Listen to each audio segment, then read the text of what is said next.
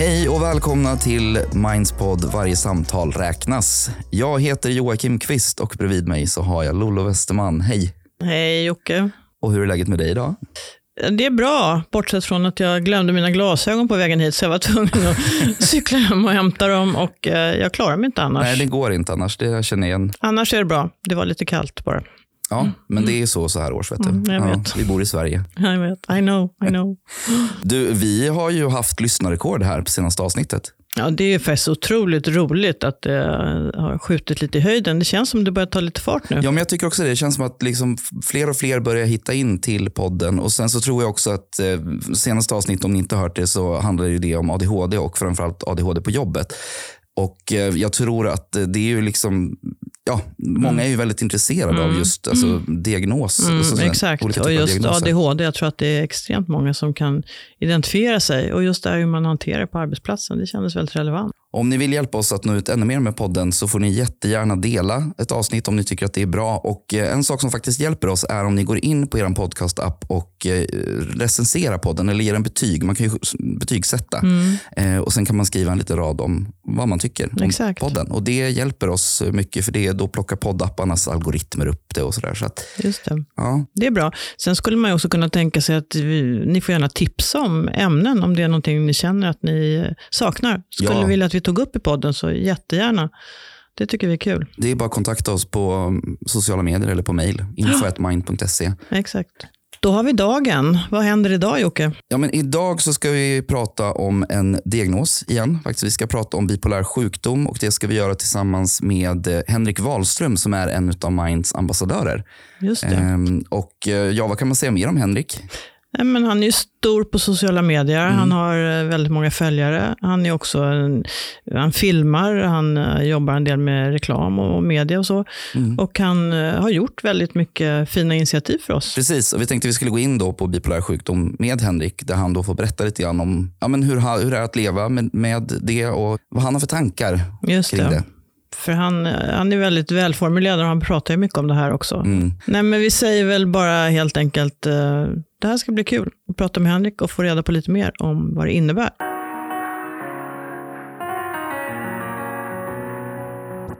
Ja, men hej Henrik och välkommen till podden. Hej hej, Roligt att du är här med oss. är jättekul. Du, du är ju eh, något av ett känt ansikte för många av våra följare eftersom du är en av våra ambassadörer. Just det.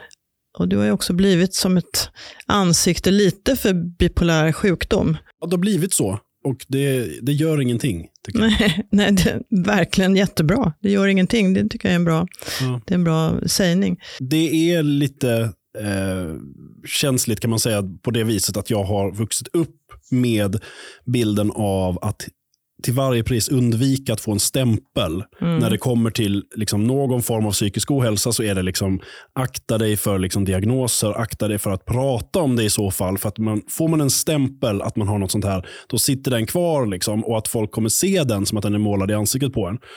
Ehm, och Därför har jag försökt undvika det liksom jämt. Och det har ju inte hjälpt mig ett skit Nej. att jag undvik det. Så att nu så kände jag bara att, men, okej, för att fler ska slippa undvika det där så gör jag så istället att jag kliver fram och säger att men här är en person som har en sån här stämpel. Mm. Och så här kan det se ut. Ställ vilka frågor ni vill. Eh, för då kanske någon annan kan säga att ja, men, det var kanske inte så, vi, så farlig stämpel att få. Eller här, kolla på Henrik i alla fall, kan ju leva ett bra liv. och så där. Det är en hoppgivare som jag försöker vara. Liksom.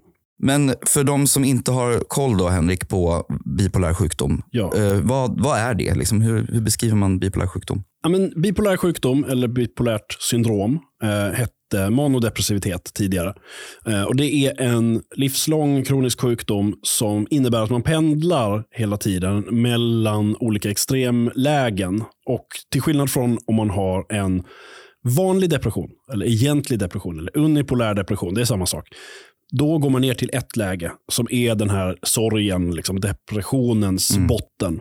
Och sen så kommer man förhoppningsvis upp därifrån. Men det är en pol. Eh, skillnaden eh, är att vi i bipolär sjukdom så förekommer motsatsen till depression. Alltså det som är det som kallas för mani eller hypomani. Hypomani är en, en lägre form. Hypo betyder under. Mm. Och i det läget så är det de flesta vet ju vad depression är. Mm. Och många som lyssnar på er vet säkerligen vad det är. Eh, men det handlar ju om det här att man har väldigt låg eh, energi, väldigt, Eh, man känner att man kan sova hur mycket som helst. Eh, man har en negativ liksom, tolkning av allting omkring sig. och sådär. Medan de här maniska perioderna är precis motsatsen till det. Det är som en inverterad depression. Liksom. Alltså att man har en oerhört positiv eh, tolkning av omvärlden. Man blir liksom en oerhörd optimist. Um, massor med energi, känner att man inte behöver sova eh, och inte behöver äta. och liksom ett, ett otroligt go som kan upplevas som jätteskönt. Mm. Um, och Det är också en väldigt lurig grej med det här. Att de skoven, alltså när man går upp i en sån här hypomani eller mani, så är det väldigt svårt att söka hjälp för det. Väldigt många som inte gör det. Framförallt inte söker i tid. Därför de där tidiga tecknen på det är så himla bra. Eller det känns bara som att livet funkar ovanligt bra och lätt. Mm. Liksom. Men så det är det, man, man pendlar mellan de här lägena och sen så mellan de lägena så har man eh, så att säga friska episoder. Jag vill inte säga friska egentligen, men säga, alltså symptomfria. För man har alltid med sig sjukdomen som en slags eh, en risk att man trillar ner igen i någon av de här andra hålen. Liksom. Men det där är ju någonting då som man måste lära sig att leva med. Eftersom man kan, man kan liksom inte besegra det och gå vidare, utan, utan man måste hitta ett sätt att leva med sjukdomen. Och Det är det som jag har ägnat en 13 år i alla fall åt att göra, eller längre än så, men det är så länge jag har haft diagnosen. Och hittat sätt som har funkat bra för mig. Eh, och då kom jag till slut till liksom en, en punkt där jag kände att ja, men mitt liv fungerar och bilden som många har av bipolär sjukdom är att livet inte kan fungera. Och Jag, måste liksom, då, jag vill bryta den bilden. Ehm, och även för folk som inte, där livet inte fungerar, så ska man kunna prata om det här. Eh, och kunna säga att ja, men det, här, mina problem kanske är orsakade av den här sjukdomen. och sådär. Eh, så att, att försöka få bort skammen och stigmatiseringen kring det här. Men jag tänker då, om man backar bandet lite, hur var det för dig när du växte upp då? Visste du, förstod du att det var någonting som var lite knasigt? Nej, alltså när jag var liten, eh, riktigt, då i efterhand har jag kunnat se att ja, men det där var ju perioder då jag hade ångest och sådär. Eh, men då var det väl ah, inte så lätt att sätta fingret på, utan det här är en sjukdom som ofta bryter ut i liksom sena tonåren eller liksom innan 30. Ehm, och för mig så var det just det, att det var i gymnasieåldern, sådär 17 någonting, då blev det liksom så pass illa så att jag fick börja söka hjälp och få medicin och gå i terapi och sådär. Men det tog lång tid innan det eh, blev rätt diagnos. Mm. Eh, och Det där är väldigt typiskt. att Man, går, man, man, man når en låg punkt där man känner att det här klarar inte jag av. Jag måste söka hjälp för det här. Och då får man eh, en, en depressionsdiagnos. Ja, det var det jag tänkte fråga. Det var så det började? Att du, Ja, mm. det var, ja, men, och, och det, är inte, det är inte fel egentligen. Alltså, läkaren träffar en, en deprimerad person och säger du är deprimerad. ja. Eh, problemet är ju det att sen så när jag liksom kom upp ur det, då dök jag inte upp sen. När jag var liksom i normalläget eller över det, så, så är det väldigt eller ja, det känns inte som att man behöver söka hjälp. Nej. Eh, och Sen kommer jag tillbaka med en ny depression. Och Då säger de igen, det är depression, här får du antidepressiv medicin. Och Det är jättetypiskt eh, att man missar att det är en bipolär sjukdom. Och Om man vet om det, att det är det, då, då är det liksom det är jätteviktigt därför att då fungerar inte längre behandlingen mot eh, alltså som, som man behandlar depression med. Nej. Alltså en antidepressiv medicin till någon som är bipolär skickar ofta upp dem i taket, liksom långt över det där strecket man vill nå upp till. Eh, Så att det krävs andra mediciner som dämpar och stabiliserar. Liksom. Men var det väldigt mycket så för dig då när du, eh, när du fick din diagnos, eller precis innan, att du var väldigt mycket upp och ner? Kan du ge något Ja. exempel på hur du var när du var i dina skov? Ja, men alltså det, det var ett, ett oerhört... Alltså depressionerna var ju som depressioner är för någon annan. Det är liksom väldigt låga liksom, ja, men, sorgperioder. Liksom. Ehm, men det var då varvat med väldigt urspårade, liksom, gränslösa perioder med väldigt, väldigt mycket energi och inga, eh, ja, men liksom inga, inga gränser. Och det var när jag väl fick diagnosen, då, det fick jag liksom i en period då jag levde oerhört sådär, alltså precis motsatt mot vad en bipolär person behöver. Alltså, och det är så, så motsatt så att man verkligen kan använda det för att beskriva hur man borde leva sitt liv. Alltså jag hade inga som helst rutiner. Alltså Inga planer på kort sikt eller lång sikt. Utan allt bara hände, jag bara hängde med. Liksom, Följde med så. Ehm, Och vilken ålder pratar vi om nu? Det var, Kanske 24-årsåldern. ja, och sånt och det var där omkring som du fick eh, diagnosen också? Ja, precis. Ja, mm. Eh, och, och Då fick jag diagnosen därför att jag under den här perioden så var det, jag DJade på heltid, levde liksom på nätterna, eh, drack gratis flera kvällar i veckan Mm. och kunde liksom bara hålla i det. Eh, så att det blev att jag drack oerhört mycket och fick söka hjälp för det. Okej. Mm. Och där på liksom en missbruksenhet så var det en som satte det här i liksom, eh, i Kontext. kontext och såg liksom att ja, men hur har det här pendlat och såg att ja, men det här är ju bipolär sjukdom. Det är inte eh, alltså det är ett, ett självmedicinerande eh, men av, av alla de här olika, olika typerna av, av skov. För alkohol är ju skitlurig på det sättet Mm. att den kan liksom verka eh, attraktiv i nästan alla lägen. Alltså för att vi har ju lärt oss det. Liksom, att, Ja. ja, men när man är uppvarvad, ja, men då dricker man lite vin och så blir man mjuk och kan sova. Mm. Eh, och Sen så är man trött, ja, men då tar man några öl och förfestar igång sig så Just blir man det. pigg. Och, sen så, Mm. och så håller man på sådär. Mm. Ehm, och tror att det ska kunna hjälpa. Det gör ju inte det. Det blir ju bara en, en motor att det blir ännu värre. Men kände du i det läget att du tyckte det var ganska skönt att få en diagnos? Eller blir det så här att man tycker att det är lite skämmigt? Det var väldigt dubbelt. Först så var det, äh, vägrade jag acceptera det. Mm. Först så var det bara att ni har fel. Det är inget fel på mig, låt mig vara. Ehm, men efter att jag hade fått både en andra och ett tredje utlåtande från andra läkare som jag krävde, liksom, så fick jag acceptera att det var så här. Och jag, jag ville väl inte acceptera det dels därför att jag hade en väldigt negativ bild av vad det skulle betyda, att den här stämpeln skulle sitta på mig på något vis, att det skulle vara eh, ja, men, eh, att folk skulle ha fördomar och så vidare. Ja. Men också det att det här, att få en bipolär diagnos och börja försöka leva med det kräver ofta en väldig livsstilsförändring. Mm. Ehm, och om man, om man får diagnosen när man är 35 så kanske det blir liksom att ja, men det är helt okej att man behöver gå och lägga sig efter På spåret. Just det. Mm. Eh, det, det, det är fine.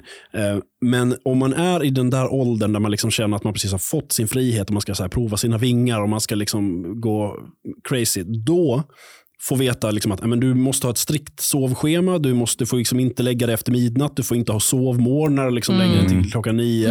Eh, Du får inte hålla på och resa över tidszoner hur som helst. Du får inte resa till länder där du inte har tillgång till eh, vård och du får inte eh, det är jättemycket sånt där. Inga fattar. alkohol och droger. Ing, alltså det var väldigt, väldigt mycket som plötsligt jag menar, min så att säga, DJ-karriär var ju död direkt. Just det. Ja, just det. De där kommer aldrig- nätterna var inget bra för dig i det läget. Nej. Nej. Och, och att jag då fick, ja, men du kommer inte kunna du kommer inte kunna spela på någon klubb igen. Nej. Ever. Och det var ju en, ja, men det var ju en sorg att behöva, och som det är för väldigt många, att man kanske behöver liksom säga farväl till den bild man hade av vad man skulle bli när man blev stor. Mm. Alltså väldigt många drömmar. Jag vill fortfarande hävda att den som får en sån här diagnos kan liksom fortsätta hålla kvar vid sina drömmar. Bara tänka igenom, sådär, är det överhuvudtaget möjligt? Just det. Är det att din dröm är att du ska bli stridspilot? Nej, men det, kom, det kommer inte gå. Nej. Eh, Och statsminister blir nog svårt också. Men väldigt många andra yrken kommer gå om Mm. du lyckas lyckas hitta ett sätt att leva med detta som blir stabilt nog. Ja, men precis. Och jag tycker att så här, det här är en anledning till att jag tycker att det är så viktigt att vi pratar om de här olika liksom, diagnoserna. och så där. För att om jag kopplar tillbaka till förra avsnittet vi spelade in, där vi pratade om ADHD. Och, eh, där jag berättade att jag genomgår ju just nu, eller ska genomgå en utredning för ADHD. Eh, och Det du var inne på, det här med att eh, man hade en bild av vad det var för någonting. För att det här har ju lyfts med mig tidigare i livet. Alltså det har, är ju läkare och liksom så som har, och, som har påpekat att alltså, hmm, undrar om det här kanske kan vara ADHD. Och, du vet, så här, och jag var så här, ja, ja, men ja, ja. har inte brytt mig om att ut, för, vilja utreda det. För att jag har också haft en bild av vad är ADHD för någonting som har varit helt felaktigt. Det är liksom fördomar. Så att jag kan verkligen känna igen mig i det, det där som du säger, den känslan av att så här, nej, men det där är ju inte jag.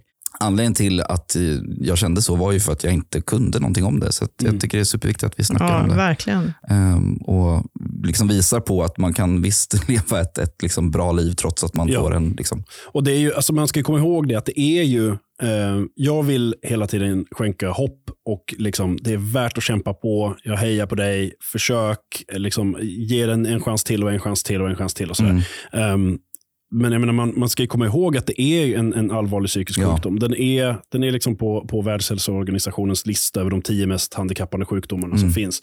Ehm, och det är bara ja, men någonstans runt hälften av alla som har sjukdomen som ändå kan leva ett, ett sådant liv som de hade velat. just det. Alltså arbeta och ha familj och sånt där, få saker att fungera. Och det, det är jag liksom fullt medveten om, att jag har haft en oerhörd tur. Men jag tror att den där hälften som har potential att leva ett gott liv. Mm. De kommer inte få det om de inte har hoppet att det kan gå. Då försöker man inte ens. Men jag tänker på vilket sätt då fick du förändra eh, din vardag när du fick den här? Du kunde inte DJa på nätterna, du kunde inte, alltså blev det en stor skillnad för dig? Ja, men det blev en stor förändring i att jag liksom, ja, men först sluta dricka var ju en, en resa, liksom, för att det hade ju gått så pass långt så att det var ju liksom en, en pers. Men sen eh, ja, men att ställa om att faktiskt sova på nätterna och sova samma tider och liksom äta fast jag inte... Alltså det, det blir ju det här att i de här olika skoven så får man en känsla av vad kroppen behöver som inte är korrekt. Så att det gäller att hela tiden äta fast man inte är hungrig och sova fast man inte är trött och gå upp fast man är jättetrött. och sådär. Så att hela tiden jobba mot att och Hålla det är det som fast. känns otroligt deppigt, liksom, att det ofta är det att man måste göra saker som man egentligen inte vill. Eh, Men man gör det för att det är jättevärt det i det stora hela. Att jag kan uppskatta de här dagarna för att jag sov de där timmarna på natten när jag egentligen hade velat vara vaken.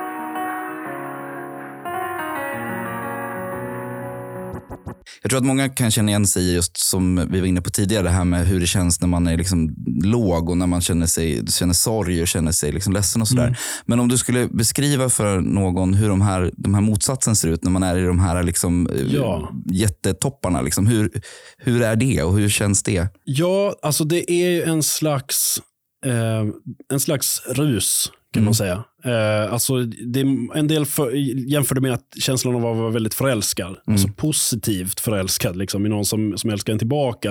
Eh, den här vårkänslan på något vis. Eh, jag, jag hittade en, en liknelse eh, när jag spelade tv-spel för ett tag sedan. Och det var att, att alla som har spelat Super Mario, något Super Mario-spel, mm. alltså när, när, Super Mario tar en stjärna mm. så blir han hypomanisk. Alltså han blir omgärdad av ett så här glitterregn. Yeah. Eh, musiken går mycket snabbare. Och så, springer han. Liksom, han är odödlig. Ja. Så det är bara att springa på. Spelet blir liksom löjligt lätt. Yeah. Det är bara att hålla inne framåt.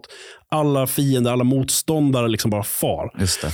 Men det som händer där i Super Mario och för den som är hypomanisk är att plötsligt så tar den där odödligheten slut utan förvarning. Och då springer man in i nästa hinder och så tar det tvärstopp. Liksom. Eh, och man ramlar ner. Och den, därför att man lever på ett sätt som kroppen inte klarar av. Alltså om man bara ger sig in, ger sig hän till en, en hypomanisk eh, period och lever så som det känns som man behöver. Då äter man inte som man ska, man sover inte som man ska, man bara bränner ut sig. Liksom.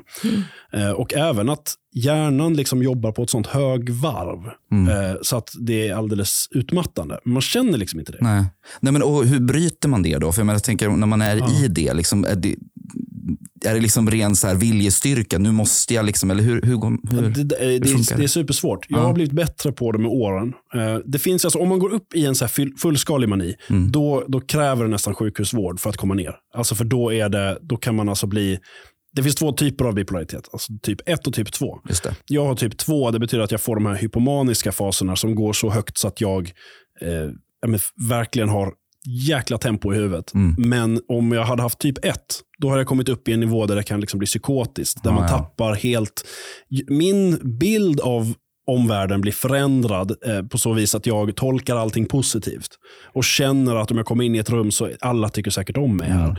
Eh, medan om man är i det här fullskaliga eh, manin, då kan liksom bilden av vem man själv är förändras. Alltså komma in i ett rum och tro att man är utsänd av ett, liksom ett, för ett hemligt uppdrag. Okej. Eller att den här personen som smsar har kontakt med en organisation som kommer... Alltså, den här, det, blir, det blir en psykos av det. Mm, verklighetsförvrängt. Fullständigt. Och eh, Det blir också alltså det här med att tankarna går fort och sådär. Jag kan liksom prata snabbare än vanligt.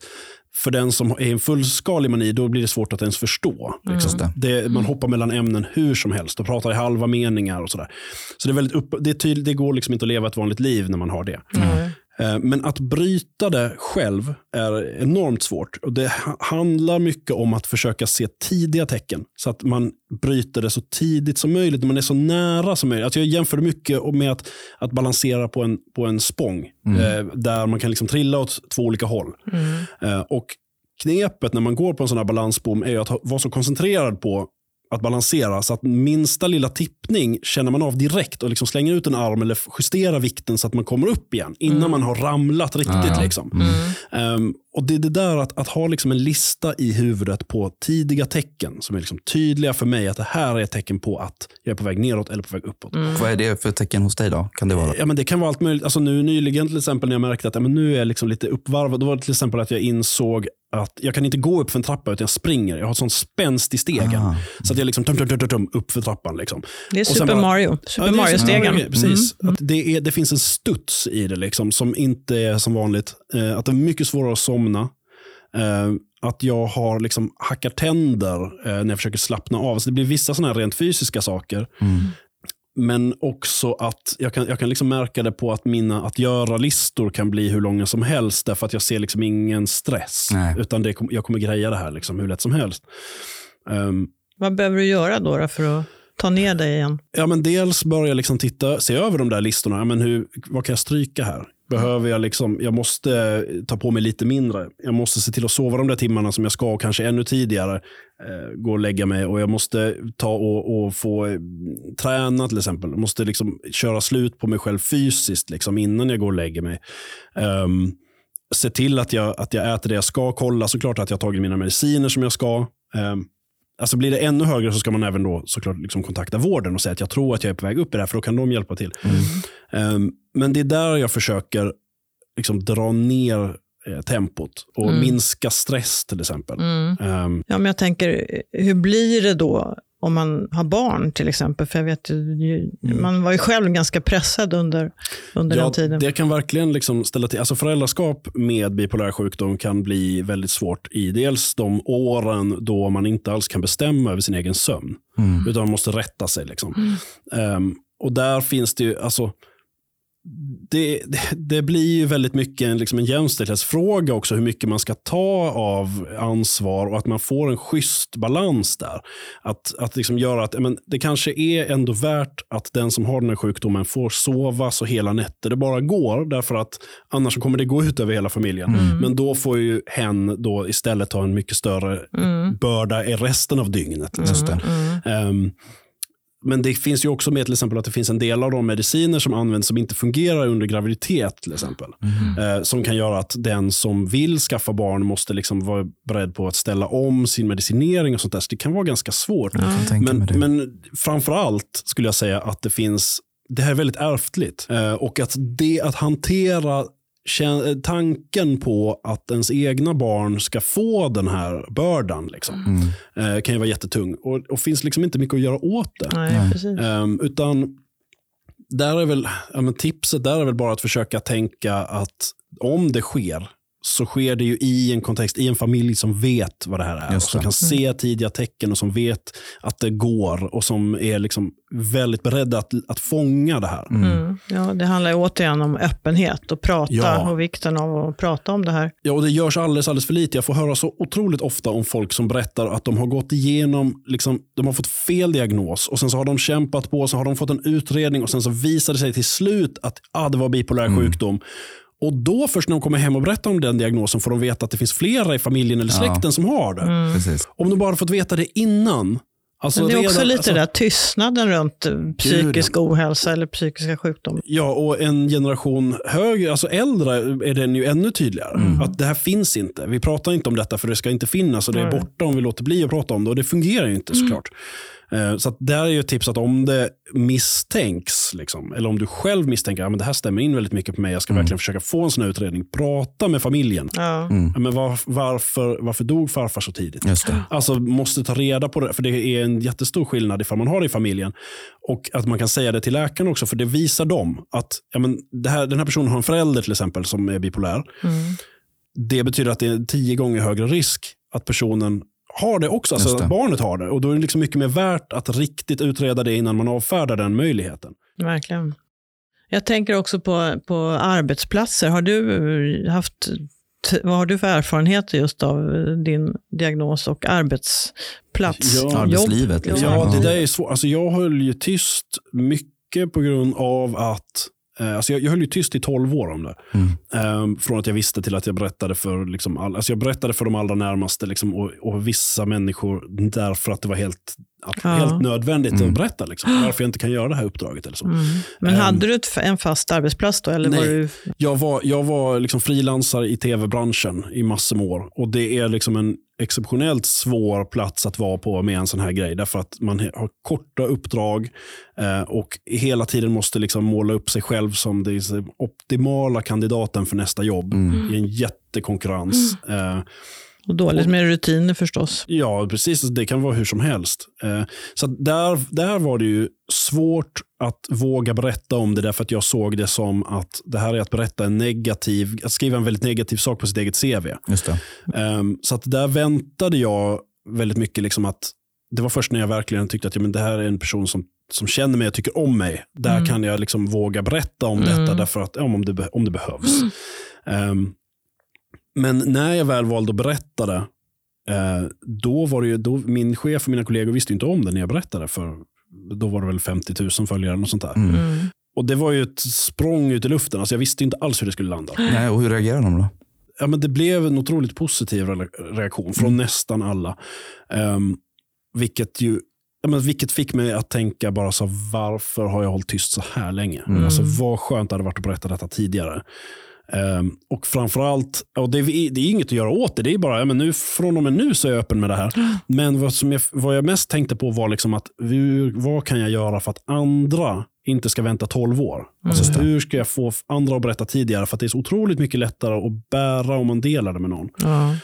Um, alltså om man tittar på arbetsplatser så kan det ju vara till exempel att man kan få liksom förståelse för ja, men sjukdagar eller att varför man inte kan ta sig an ett visst uppdrag. Eller, eh, ja, men man, kan, man kan förklara sådana grejer. Eh, kanske kan anpassa arbetstider och sånt. Men även om det inte ger några sådana konkreta förändringar så kan det vara otroligt skönt att veta att, alltså att någon i en liksom bestämmande position vet vad man handskas med. Mm.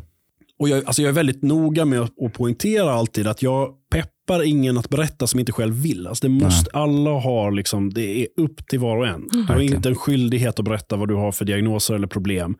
Eh, utan det kan vara mellan dig och din läkare om du vill det. Men jag önskar att jag berättar mycket tidigare. Ja.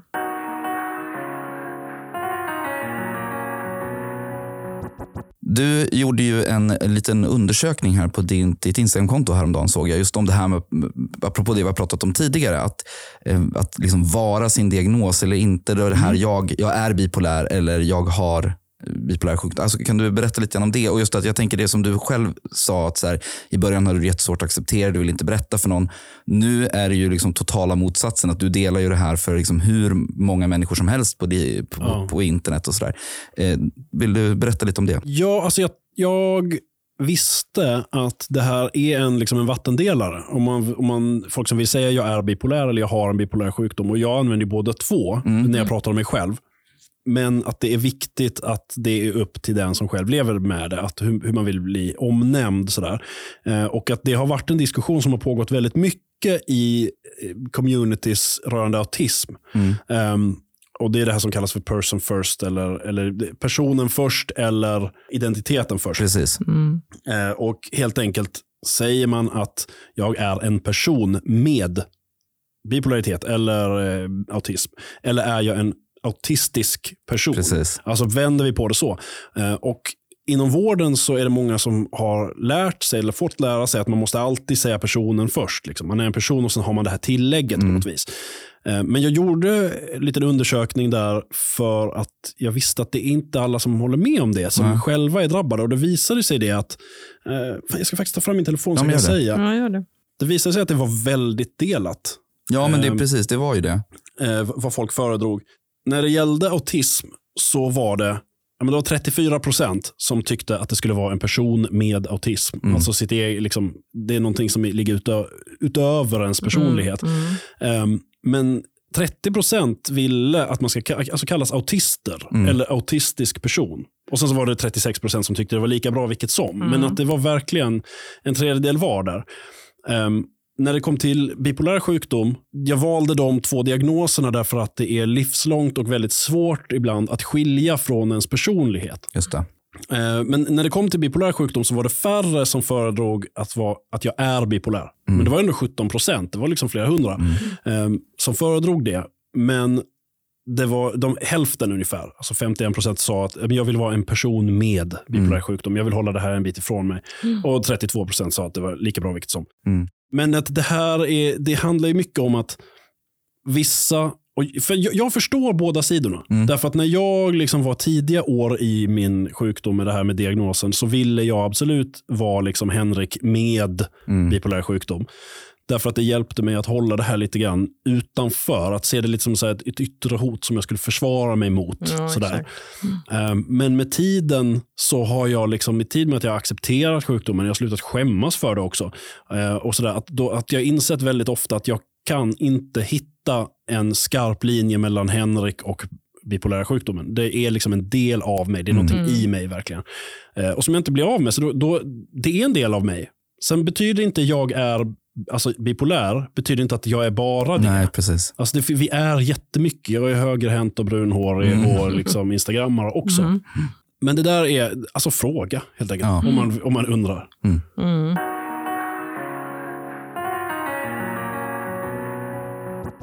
Och Henrik, du är ju en av våra ambassadörer. Ja. Kan du inte berätta lite hur det kommer sig att du har valt att vara det? Uh, därför jag tycker ni är så jävla bra. Uh, men, Såklart, det var det vi ville höra. Det ville höra. uh, nej, men så här var det att jag, när jag hade berättat om detta, när det visade sig att isen höll, liksom, det gick att leva vidare fast jag hade varit öppen med det här, så började jag tänka på varför berättar jag inte tidigare? Mm. Eh, och hur kan jag få någon annan att berätta tidigare? Eh, och Det jag landade i var att jag hade liksom behövt en föraning om att det skulle gå så här bra. Alltså någonting som visade mig att det, det, kommer gå bra att berätta detta. Och det, för det är liksom en komma ut-process där man berättar någonting väldigt privat om sig själv som kanske definierar en själv ganska mycket, alltså som är en stor del av ens liv som man håller tyst om. Men, och, men, man måste säga de där orden och när man har sagt dem så kan man inte ta tillbaka dem. Och Så får man se hur de landar. Men när det kommer till att komma ut med en sexuell läggning till exempel så finns ju Pride-symbolen mm. som visar att ja, men just den där kollegan med regnbågskassen mm. kanske är den jag ska berätta för om jag vill berätta någon gång. Um, och Det saknades en, en Pride-symbol för psykisk ohälsa och den behövs skitmycket, mm. insåg jag. Det här behövs någonting som visar. Eh, så jag tänkte att fan, jag måste testa och, skapa en själv. Mm. Och att det kanske är skitnaivt att tro att man kan göra det, men jag provar i alla fall. Eh, så jag, jag gjorde ett litet, jag fick hjälp av en, en fyraåring att rita ett hjärta med en liten smiley i. En smiley som kan vara både glad och ledsen samtidigt. Mm. Och Den där lilla smileyn har liksom använts som en så inofficiell symbol för bipolaritet tidigare. Mm. Eh, men jag kände bara att den här kan göra mer nytta på ett annat sätt. Så jag satte den i den där hjärtat och så bara sa jag det att den här, den här symbolen heter upp och ner. Och Den betyder att den som bär symbolen förmedlar att jag har en, en öppen och, och accepterande inställning till psykisk ohälsa. Jag är, jag är någon som du kan berätta för när det är tufft och jag vill veta hur du mår. Um, och Den behöver inte betyda att man har en, en diagnos själv, mm. utan bara är en del, mm, precis som prideflaggan. Jag, mm. jag vill stötta den här öppenheten. Um, och då, när jag gjorde det, så gjorde, då började jag göra liksom en massa merchandise med det. Så man kan ha den på muggar och pins och tröjor mm. och sånt där. Och sen så tänkte jag att då måste de här pengarna göra nytta också. Uh, och då så valde jag att, att, ansluta mig till, till Mind helt enkelt. Mm. Uh, så att alla, all, all vinst går till Mind. Och i samband så med fint. det så blev jag då ambassadör också. Och det är vi jätteglada för. Ja. Såklart att du gör så mycket för oss. Och vi märker det att de gör ju verkligen skillnad, dina inlägg. Ja, precis. Det är ju liksom ambassadörs, ni ambassadörer, ni gör ju så otroligt mycket bara genom att liksom, ja, men dela och prata om, om de här frågorna. Men jag tänker just upp och ner, då, kan, som du sa, det är merchandise man kan köpa. Eh, ja. Vart någonstans hittar man det? På uppochner.nu. Ja. Upp och ner är ett ord. Uh, nu. Där finns det då liksom en massa grejer som man kan, som man kan skaffa sig. Mm. Uh, och det har varit det är helt otroligt vad det fungerar. Ja, alltså. Mm. det är, jag, har liksom, jag blir helt paff. Jag får alltså meddelanden flera gånger i veckan på folk som berättar antingen hur den har förändrat, att det är liksom folk som pratar om det här på deras arbetsplats som aldrig har gjort det förut. Mm. Eh, och Folk som har berättat om chefer som har kommit och berättat om diagnoser som har liksom öppnat upp hela hierarkin neråt. Att alla andra kan börja prata om det, för chefen har ju själv. Det är helt fantastiskt. Eh, så det är verkligen en uppmaning till dig som är i en på en hög position. Att mm. våga berätta om du går i terapi eller har varit deprimerad eller vad, vad det nu är. Um, därför att om du nu sitter säkert, liksom, visa för andra att de får berätta också. Just det. Um, men också att det, ja, men hur den dyker upp på så mycket ställen. Det är så många, liksom, jag fick två stycken som hade tatuerat den igår. Jag såg det, ja precis. Det är jätteroligt. Alltså, det är skithäftigt. Så den dyker upp på alla möjliga ställen. Mm. Ja. Men det är grymt Det kul. ligger ju verkligen i vårt DNA också, det här med samtal och öppenhet och att det kan göra så stor skillnad, så himla stor skillnad. Ja, för- det kan vara helt livsviktigt. Alltså att någon bara får lov att få ur sig vad det är som... För den här tystnadskulturen, att vi ska hålla tyst, den, är, den tar ju livet av folk. Ja, Exakt. Och vi män måste bli så otroligt mycket bättre på det. Att liksom våga säga eh, när vi inte mår bra och när vi behöver hjälp. Att det inte är liksom ett nederlag att, att behöva hjälp utifrån. ja. Well spoken. Well spoken. Ja, du Henrik, vi är jättetacksamma för att du ville komma hit och prata med oss idag och tack för allt du gör för, för mänskligheten och för, för oss allihopa. För mänsklighet, det var stora ord. Ja, är men jag tycker det. Ja. Jag, tänker, jag tänker ofta att jag bara driver ett Instagramkonto för det är kul. Ja. Men eh, det är ju jättebra att det Det är kan lite mer än så. Det är lite mer än så, precis. Och känner du som lyssnar att du vill eh, prata mer om det här eller har några tankar, idéer eller vill ha kontakt med Henrik så hör av dig till oss på Mind, info.mind.se. Ja, om man hittar dig främst på Instagram, då, vad, vad heter du på Instagram? På Instagram heter jag Henrik Wahlström. Ja, Eh, Jag finns, jag finns på TikTok också mer och mer under samma namn. Ja. Eh, Men främst Instagram. Yes. Vi vill säga tack till er som har lyssnat också. Vi är så himla glada. Som vi sa, vi hade lyssnarrekord förra veckan. Vi får se eh, om vi kan slå det med det här avsnittet. Vi hoppas. Ehm, ta hand om er så hörs vi i nästa avsnitt. Tack och Hej. Hej hej!